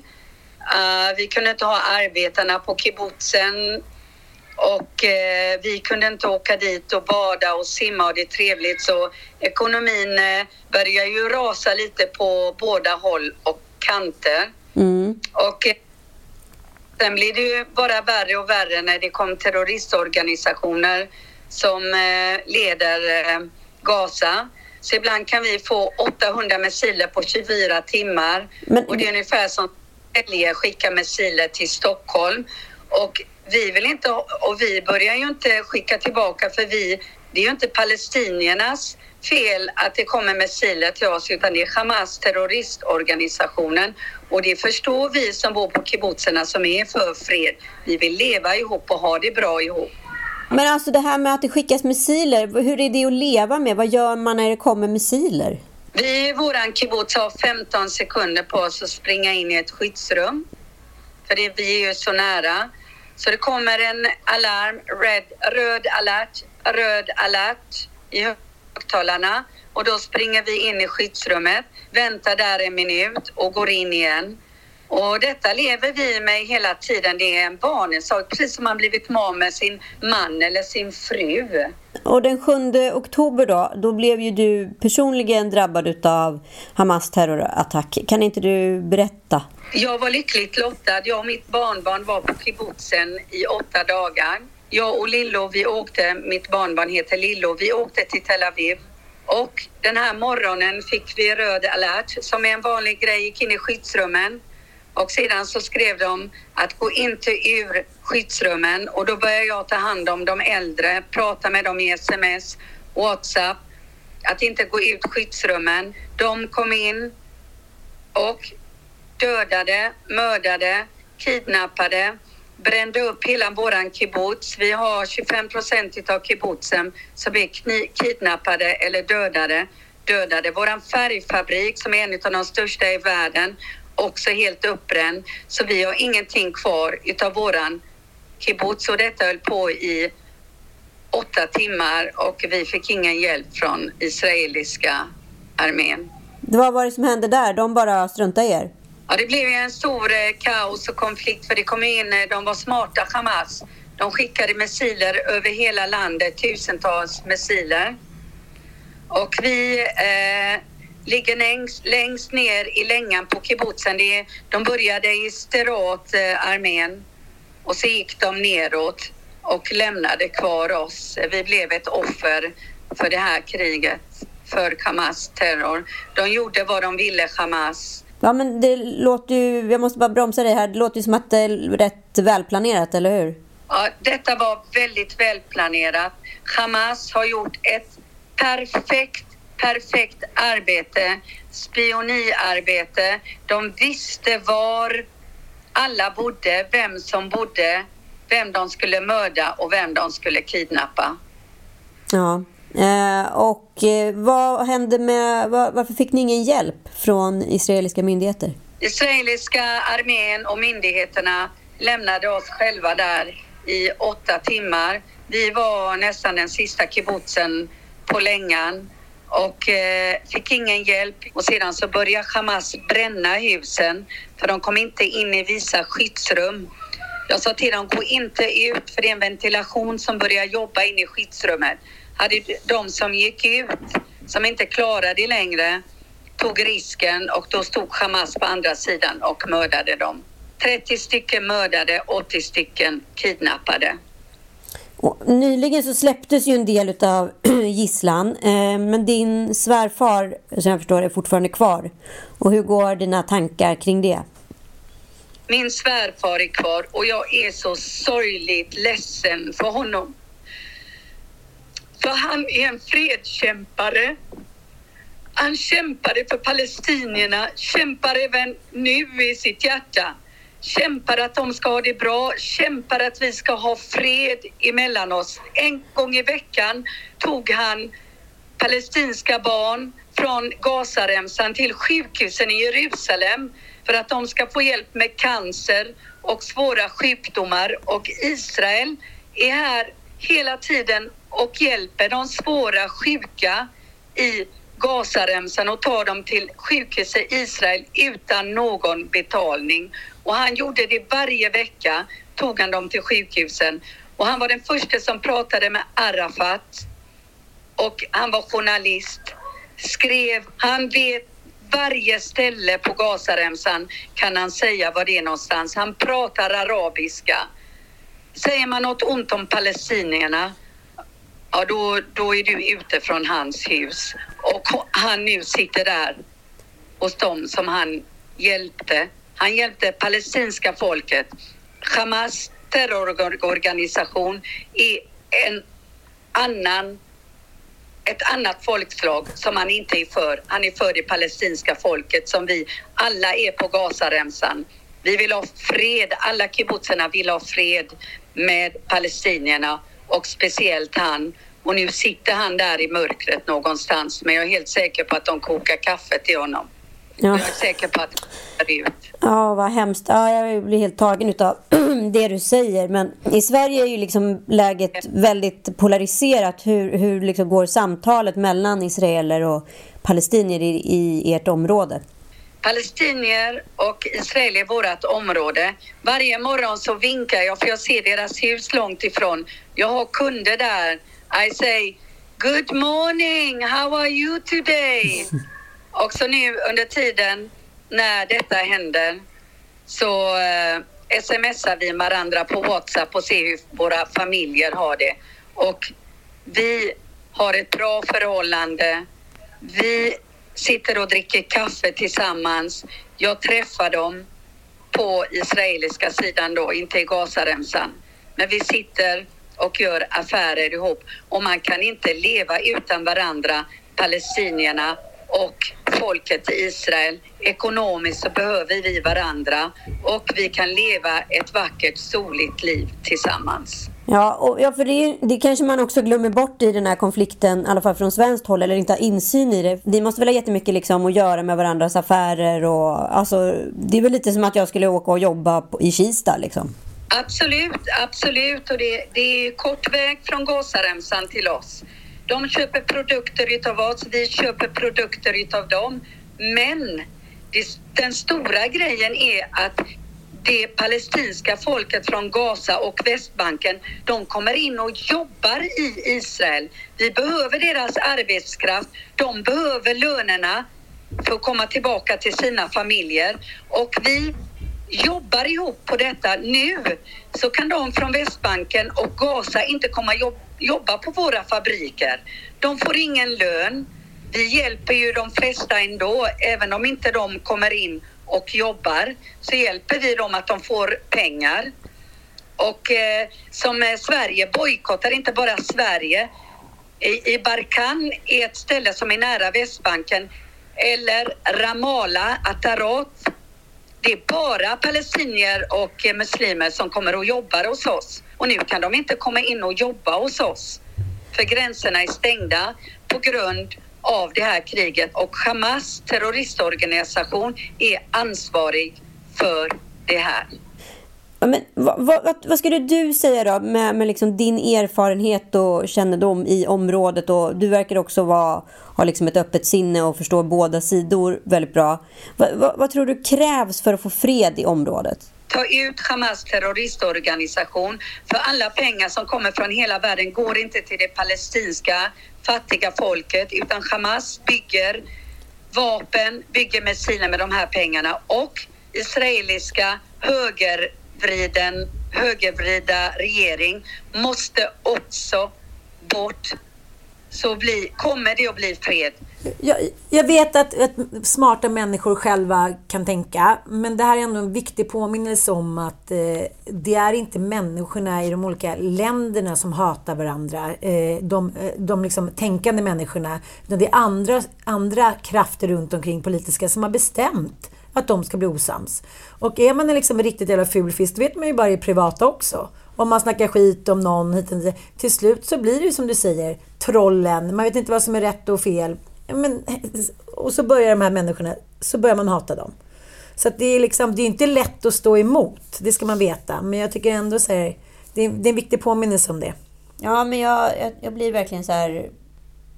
Alltså jag vet inte om... Alltså Israel har ju också haft liksom extrem högerextremism under senaste tiden. Och det har ju varit väldigt kritiserat i Israel. Så att så här, och jag vet inte vad som är liksom näst på tur efter det. Det måste väl vara terror då? Eller om det liksom ligger på helt andra delen utav eh, ja, linjen. Men man slår ihop de där två så det ena triggar det andra och eh, inget är bra nog. Vi vet bara att så här, vi, vi ska försöka hålla oss så långt ifrån de här områdena rent eh, själsligt som möjligt. Mm. För att man, man spelar farliga krafter i händerna. Ja. Och jag tänker också på de här för att koppla på den här familjen igen, som vi pratade om i början. Alltså, vi har ju inte religion på samma sätt som de här länderna har Nej. längre i Sverige. Men de här enfrågegrejerna är ju också en form av liksom sekteri mm. och religion på ett sätt. Deras kall är att så här, ta tillbaka barnen, mm. eh, förändra där. Vi har frihetsrörelsen som en annan form av modern typ av sekt som är så här, allt från antivaxxare, ett sammelsurium av saker som vill förändra samhället Men också egentligen är en enfrågig Mm. liksom, grej som också blir som sekter. Alltså, Ja, jag tänker att även när vi tänker sig 80-talet då, när, när vad ska säga, det helt plötsligt så stod hälsan och människans liksom, kropp och själ i fokus. Och alla de här wellnesskvinnorna som kom fram och skulle berätta hur vi skulle äta, hur vi skulle må, hur vi skulle banta. Det är lite samma sak. Det är, här, det, det är starka krafter i samhället som man inte riktigt vet var de kommer ifrån. Och man vet inte vad man ska tro heller. nej. Eh, och jag, jag bara så här, det, det är något i det här som är, alltså som är i mig. Det, det är ett vagt obehag. Ja. Förstår du vad jag menar? Ja. Att Det är ligger någon- där hela tiden. Ja, den ligger där. Och det, och det är...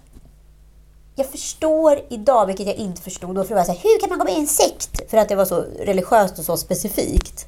Eh, men idag förstår jag att det är väldigt lätt att vara med i en modern typ av sekt. För att det är bara att följa och lajka någonting på sociala medier. Och jag, i och med det så vet jag inte heller vilka krafter som drivs igång. Alltså jag tycker liksom att Amy Schumer i den här Israel-Palestina-debatten har varit liksom lika jävla tokig, förlåt, som Stina Wolter har varit. Alltså, det, det är som att alla har liksom ätit samma jävla knäpptablett och blivit galna. Eh, Jag vet. Jag var ganska exakt. Det var en, eh, jag träffade en tjej på en middag häromdagen. Hon sa att hon hade precis varit i Utah. Ja. Eh, Utah de är väl mest berömda för att, att de lever som mormoner som tusen år tillbaka. Ja. Ja. Och Heter det Salt Lake City? har Salt Lake Ja. City och liksom, ja, men, när man läser om det i medier, ser om det i TV och ser filmer, då framstår det som att det är ett litet område där. Sataleka Ja! Där folk går omkring i Madicken-klänningar och liksom inbakade flätor och långa skägg och så här, åker häst och vagn. Mm. Ja, men, det känns som att det är typ ja, men som Vimmebys storlek. Ja. Hon bara, jag är inne i Salt Lake City, jag är i det här området. Du vet, det är så stort. Man åker omkring där helt plötsligt så här, ho, ho, ho. Kommer de med sin häst och vagn från liksom en annat, du vet, ett annat århundrade. Det är liksom, Jävla clash alltså. Ja, och man tänker så här, det måste ändå finnas, det är det som jag tycker är hela läskiga med det här du pratar om. Att det framstår som enfrågesekter, men för att det ska synas och höras så finns det alltid mycket, mycket starkare krafter som finns, eller storlekar som där. Hon var så här, hela jävla Utah var ju liksom, det var ju gigantiskt, det var ju, de var ju överallt i sina hästar och vagnar och eh, tobak och liksom långskägg. Att vi så här, man ska inte se dem som nidbilder. För människor som står så starka i sin tro, de räds ju ingenting heller. Nej, nej, nej. Jag måste bara säga, jag kollade på Robinson häromdagen. Ja, Nya Robinson. jag har också börjat kolla lite på det Det är faktiskt. spännande. Ja. Jag älskar när de är på andra sidan. Vad heter det? Oda Dandara. Ja, men när de, när de blir utröstade. Ja, exakt. På andra sidan. Ja, Oda Dandara. ja. Det är så förr i tiden i alla fall. Eh, men... eh, Det är intressant med människor som är uträknade, som inte ger upp. Det finns någonting kliddrigt i det. Ja, otroligt. Ja. Men jag har insett att jag själv har börjat kolla på dokusåpan och nästan all typ utav program på ett helt nytt sätt. Det finns ju bara dokusåpor nu också, för det finns ju inte pengar till något annat. Så att det är svårt att komma undan. Men hur menar du? Jag kollar genom diagnosens glasögon. NPF Barbro?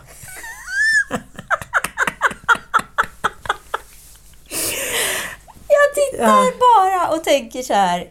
Vad har den där personen för diagnos? Vad har den där personen för diagnos? Den där har jävligt mycket av det där och den där har jävligt mycket av det där. Och den där, oj det där kommer inte gå bra ihop. De där Nej. två diagnoserna, det är inte bra.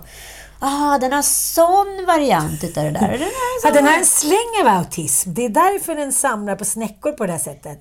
Nej, jag vet. Jag är exakt likadan. Nej, men alltså jag skäms så mycket. Och min dotter sa faktiskt till mig och bara så här, Du bara funderar på ah, vilka diagnoser alla har. Jag bara, nej det gör jag inte alls. Jag bara, ja, ja, det gör jag. Ja, men det är din skotejp, älskling. Det är min skotejp. Ja, det är det. NPF Barbro. Oh my god, det är min skogränsförflyttning. Analyze this, säger jag mig då. Verkligen. Men och så tänkte jag på när jag tittade på Robinson på 90-talet, eller 00-talet, hur jag tittade på alla som individer och var så här, Ja. vad spännande den här personen var och vad härlig den är och Uthållig! ja, wow, fan vad Charmig. cool och charmig och rolig och galen. Energisk. Och, Ja. Oj, vad den här tar mycket plats. Eller den här, och han är jätteaggressiv. Och, Ja. jag tänkte aldrig på att någon hade en diagnos och jag var mycket mer verkliga de människorna blev för mig. Det fanns inga diagnoser då, älskling. Nej, det fanns ju fanns bara det. obsklasser. Jag, menar, jag tänker på hur Ja, mycket diagnossamhället, även fast det har hjälpt väldigt många, Ja. så tänker jag också att det stjälper väldigt mångas upplevelse av varandra. Att man så här, jag tänker också på alla så singlar idag, det är två miljoner singlar i Sverige. Att går man runt och tänker på riskerna att vara ihop med någon, kanske med en diagnos eller vad det nu är, och gör sig själv till facit, vilket jag har suttit och gjort i de här fallen, eh, då kanske jag också så här, liksom väljer bort en jävla massa bra, roliga personer och öden och äventyr. Med en sannolik risk också att jag kanske slipper en jävla massa problem. Mm. Jag vet. Så läste jag en rapport idag i DN där det då faktiskt finns nu lite belägg för att det finns en överdiagnostisering i samhället. Eh, och jag, det är så mycket i det här som är liksom så här, mycket som har påverkat allt det vi har pratat om i den här podden. Baserat på hur vi väljer att möta och se människor. Att det är så mycket mer med fördomar idag än vad vi tror att det är. Gud ja.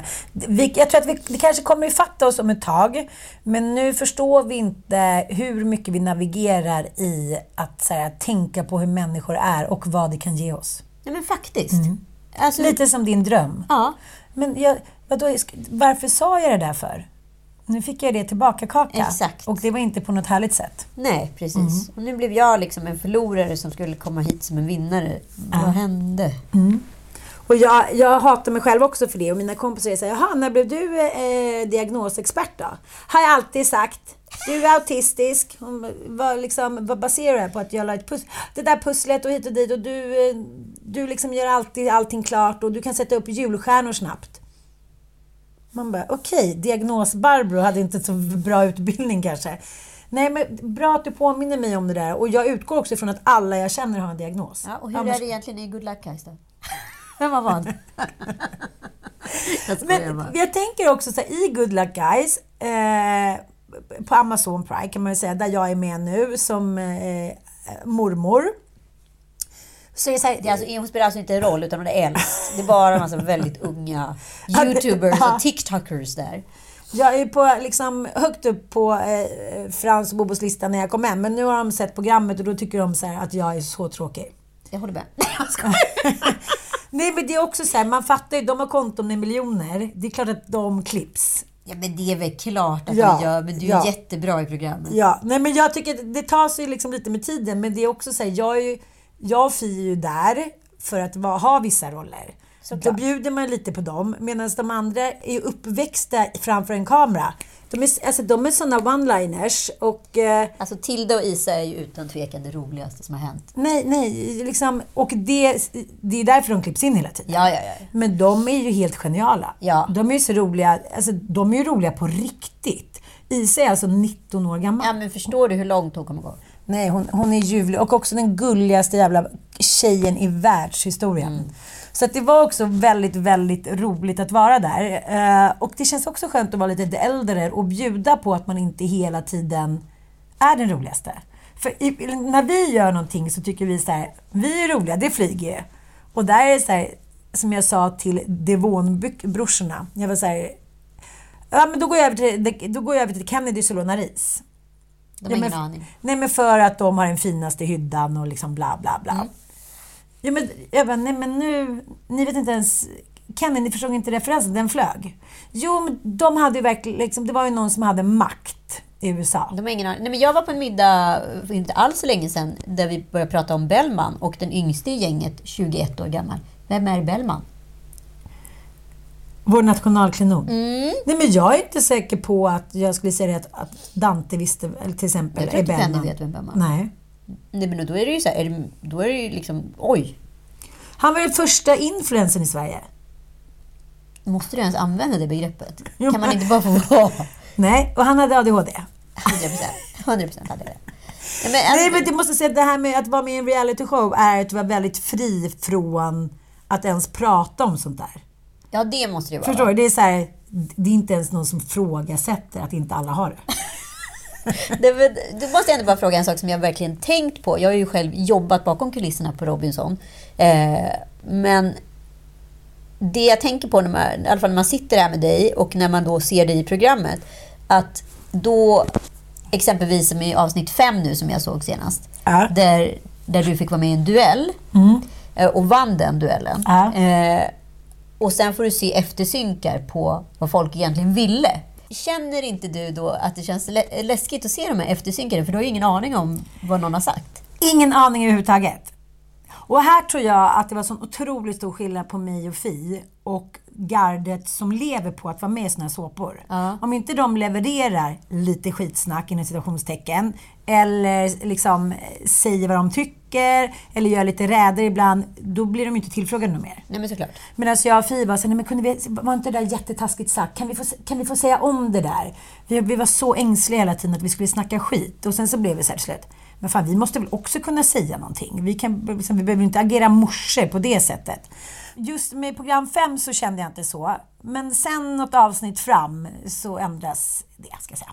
Oj, oj, oj. Mm, då händer det grejer. Men jag bara funderade på, för att du säger att så här, nej, men ni, alltså det är kanske en generationsgrej och ni ville vara artiga. Och sen säger du att det kanske handlar om att man är med och van att vara med i en dokusåpa. Men jag tänker också, det här är en generation som har varit vana med att se ett, en dåliga förebilder. Tillbaka till det vi pratade om i, Mm. i sport och träningssammanhang.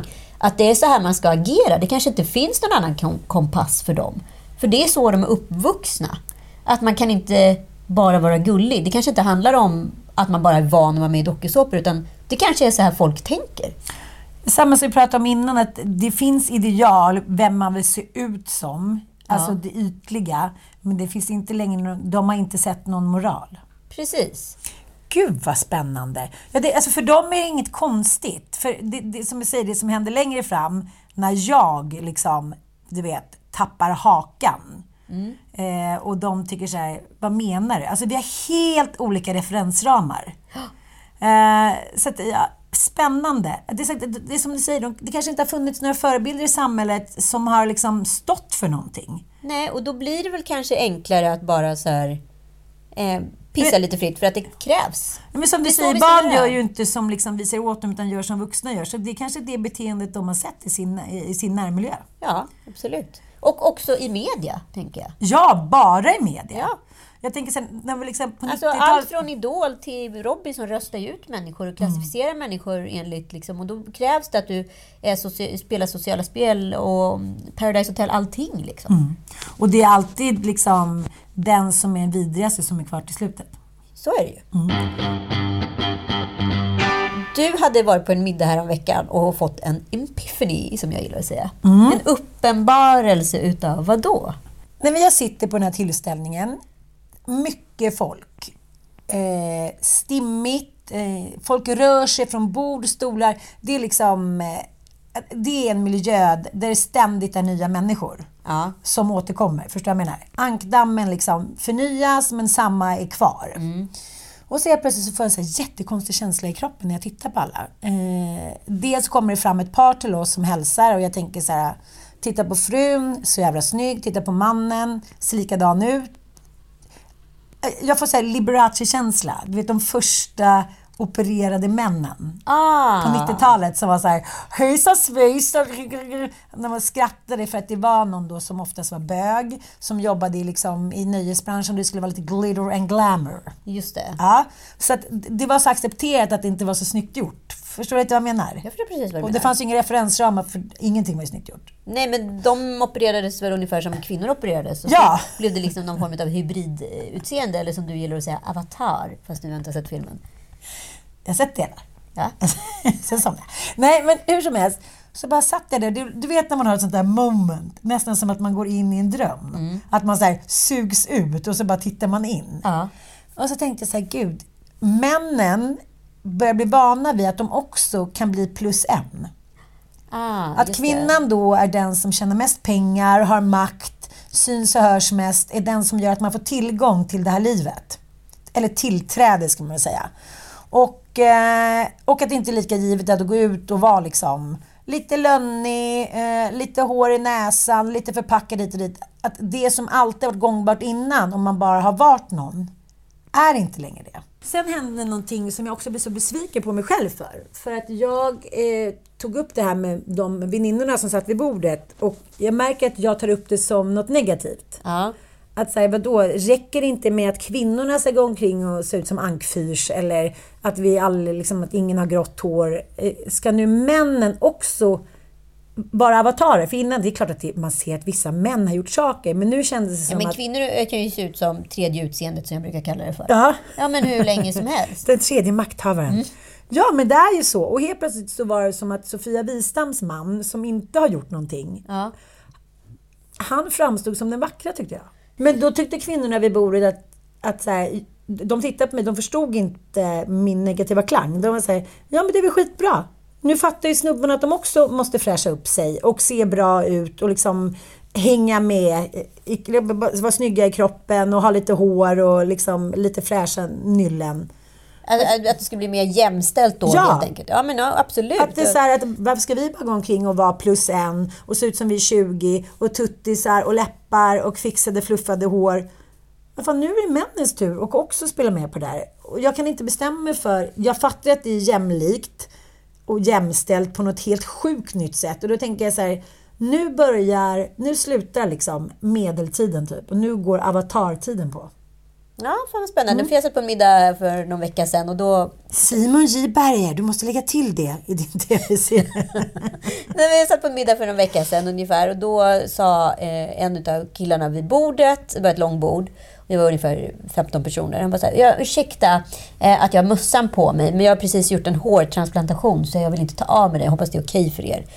Och alla var så gud det är lugnt. Och så var jag på en annan middag. Det är också milstolpe Ja, att någon liksom vågar säga det. Verkligen. Och sen var jag på en annan middag för inte alls länge sedan och det liksom satt mitt emot en, eh, en manlig kreatör som nu har liksom skapat ett manssmink med hjälp av internationella stora krafter som ska liksom säljas på butik i Sverige och säger att han ser en otrolig ökad liksom, eh, tendens till att män vill ha smink. Men då ska det liksom vara underlagskrämer och grejer med liksom allt från eh, Ja men alltså lite Foundationaktigt. foundationaktigt liksom i så att man får en lite mera liksom glow och fräschör och det var ögonbrynspennor och ja, var liksom saker baserat på mäns utseende och krav på utseende. Och jag tänker att så här, det finns något positivt i det här. Samtidigt tänker jag så här, när jag har gått runt och tänkt på så många kvinnor som det tredje utseendet i så många år. Jag tycker verkligen att folk får fixa sig om de vill. Jag fixar mig ibland. Men jag försöker att vara så naturalistisk som möjligt. Man kan ju välja att vara förbättra sig eller förställa sig. Ja. Det är ju två olika val. Otroligt Eh, olika. Ja. Och jag har ingen aning om folk tycker att det ser helt sinnessjukt ut om, när jag fixar läpparna ibland eller vad det nu är. Men hur som helst. Eh, jag tänker på att när jag ser såna här jätteopererade kvinnor, då tänker jag att de har ju inte ett vackrare utseende, de har bara ett nytt utseende. Ja. Ett tredje utseende. Ja. Och så tänker jag att så här, när det, då, det som händer i dig när du ser de här männen, eh, att det blir så chockartat för dig. Att männen har förändrat sig. Under tiden vi blivit så hemmablinda i att kvinnor alltid gör det, så vi liksom har accepterat det. Men män måste ju tycka att kvinnor har sett helt sinnessjuka ut. Under så många år, tänker jag. Men inte vågat säga Men någonting. inte vågat säga någonting. Och nu när liksom män då börjat operera sig, då blir det så jävla så här obvious att det kanske inte är så jävla snyggt. Nej, jag vet. Alltså det, Eller jag, är det bara att det är ovant? Nej, jag vet inte, men jag bara kände så här, nu tar avatartiden över. Ja, men så här, nu går det inte att gå tillbaka. Förstår du? Och just det där du säger, så som du alltid säger på roliga liksom, TikTok-grejer. Do I look fat baby? Well little, fuck you! Never tell your wife she's, she's fat. Do I look old? Well you...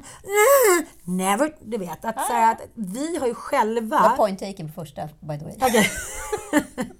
Okej, jag ber om ursäkt. Hur många till ska du dra? Nej, jag kommer inte dra någon mer. Du får köra en Gardell sen. Nej, men det jag menar är så här att vi tror ju att vi har levt i någon värld där männen tycker att vi är mycket mer attraktiva. Men de har bara sagt, vad fan kom hon med de där ankläpparna för? Eller så här, vad är det där för konstiga ögonbryn som bara sticker ut som två typ freakshows? Fast de har ju inte fattat att det hänger ihop med injektioner och operationer. Nej. Det är väl det, under tiden alla kvinnor kan spotta det på två sekunder. Ja, men visade inte du den där storyn för mig när någon tjej har tagit något lim Jo. och tryckt upp läpparna och hennes liksom, ja men myspysman kom in i bilen och hon bara säger I fixed my lip. Alltså det är på ett bisarrt sätt. Och man ser hur han bara säger Hans kärlek till henne, den består ju, men han är så ledsen över att hans snygga, heta, vanliga fru nu ser ut som en anka gånger hundra. Och han försöker, han är så chockad, han tappar ansiktet, han säger yeah baby, it's och sen så ser han att hon bara skämtar. Och man ser hans lättnad, han är bara så här, Vi prankade ju Joels, jag och eh, Joels mamma, vi prankade Joels pappa att uh, hon gjorde botox. Eh, och sen så, de är ju, du vet, det är helt nya grejer för dem, de har aldrig varit med om något sånt där. Eh, Så jag sa så här, men vi tejpar upp dig utan bara helvete så du Ah. ser helt sträckt ut och vansinnig ut. Så hon bara, ja det gör vi. Så gjorde vi det och så smygfilmade jag när hon visade sig då för Joels pappa. Ah. Och han så här, du vet han ska vara glad och tycka att hon har det fin. och inte tyckte det. Det är fan det roligaste någonsin. Det är också väldigt bra att se att män är jävligt dåliga på att liksom ha pokerface när det gäller deras kvinnor. Gud, Sen ja. kan de sitta och vara otrogna och ha barn liksom på 13 orter och typ ha spelat bort alla pengar. Men just när någonting hänt med deras fruar, då är det så här, då kan de inte spela. Nej, nej, nej. nej. Har något ändrats? Det klarar jag inte av. Det klarar jag inte av. Nej, jag tycker det här är så spännande och det du säger är så här, okej, eh, hur ska vi tänka nu? Och jag har inte tänkt på det som du faktiskt säger. Lite grann har jag tänkt på det från vissa killar säger så här, nej men varför ska jag vilja ha någon med tuttarna upp till hakan? Varför ska jag vilja liksom, det där med, varför ska tjejer ha det där med munnen? Varför ska de se ut som stelopererade? Men de flesta säger ju ingenting. Och då sa någon på den här middagen, han bara, nej men jag ser aldrig om någon kvinna har gjort någonting. Och då Nej, för de här, vet ju inte, de följer inga sådana konton. De vet inte. Nej. Det här har varit liksom den stora hemligheten i kvinnovärlden. Jag vet. Jag säger väl aldrig till liksom Mia, nu ska jag dra, gå och dra lite botox. Aldrig sagt. Nej, nej, nej. Det är så här att vi har liksom en ny generation som bara håller oss evigt unga. Men då tänker jag så att där kan också, om man ska se det ur ett större filosofiskt perspektiv, så kanske det också har gjort att avståndet mellan kvinnor och män har blivit större. För att män har känt att där står hon och är råhet på krogen och alla tittar. Här sitter jag med lilla maggen och flikar och liksom håret som växer ner. Du vet, och grått skägg. Att det är så här, vi har lurat männen att känna sig sämre. På något sätt. Mm. Ja, det är jävligt spännande. Ja. Eh, Det var någon också som sa häromdagen, "Men gud, åh, alltså, man vill inte ha någon med flint. Eh, Det var jag. Ja, nej, det finns många kvinnor som går igång på flint. Men liksom, jag tänkte på att så här, män har ju inte alls... Alltså det har ju inte varit socialt accepterat för dem att satsa på sitt utseende. Nej. Och helt plötsligt är det det. Så det är klart att det finns ju någonting bra i det här. Eller så är det bara skitdåligt att vi alla har liksom dopat oss. Kvinnor i alla fall. En enkel dopning har ju varit skägg. För att har man skägg över hela ansiktet, då ser man ju egentligen bara ögonen. Ja. Ja, men då är det väldigt svårt att bestämma någons ålder. Då kan man ju tycka att någon ser fräsch ut. För att det syns inga rynkor, det syns ingenting. Det är bara så här, ett stort skägg. Det kanske är en anledning till att liksom hipsten blev så stor. Man tänker så här, nu är jag Det är ju ett ansikte ålderslös. man vänt upp och ner Ja, på. Du vet att precis. jag sa det en gång till Torkel Pettersson. Det kan han ha. Det kan han ha. Såg honom på Teatergrillen så var jag väl lite på arslet, ska erkännas. Och jag Var kanske var, med? kanske var 25. Nej, du var Nej, absolut inte med. Så satt han och berättade oavbrutet, oavbrutet om sig själv för sin dejt. Vilket jag hoppas att det var. osexigt. Och jag gjorde och det. Och till sist gick jag fram och sa så här, vet du vad Torkel? Jag är ledsen att säga det. Det är som att man vänt upp och ner på ditt ansikte. Jag kan inte sluta fascineras eller sluta titta. Och han blev så jävla förnedrad, vilket jag förstår. Jo tack. Men jag Varför blir han så sur för? Nej, för torrboll. ja, men en som inte har vad heter det, ändrats i alla fall, kan jag säga. Första gången jag träffade personen i fråga på så säga 20 år. Vet du vem det var? Nej. E-Type. Just ja. Men den sparar vi lite på. ja nej, ja, nej, Okej då, men då tar vi det nästa gång. Ja, det När ni träffas på den här festen. Ja, kanske okej. Hej, hej.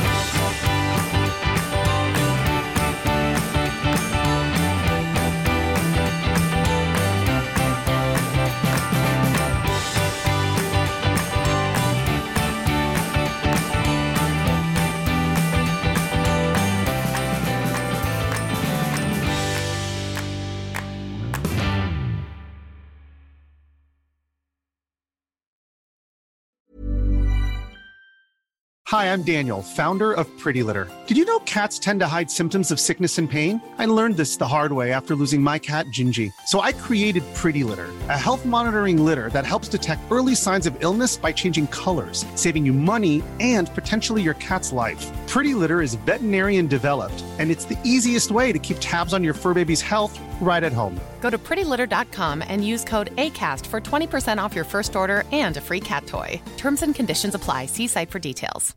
Imagine the softest sheets you've ever felt. Now imagine them getting even softer over time. That's what you'll feel with Bowl and Branch's organic cotton sheets. In a recent customer survey, 96% replied that Bowl and Branch sheets get softer with every wash. Start getting your best night's sleep in these sheets that get softer and softer for years to come. Try their sheets with a 30-night guarantee. Plus, get 15% off your first order at bowlandbranch.com. Code BUTTERY. Exclusions apply. See site for details.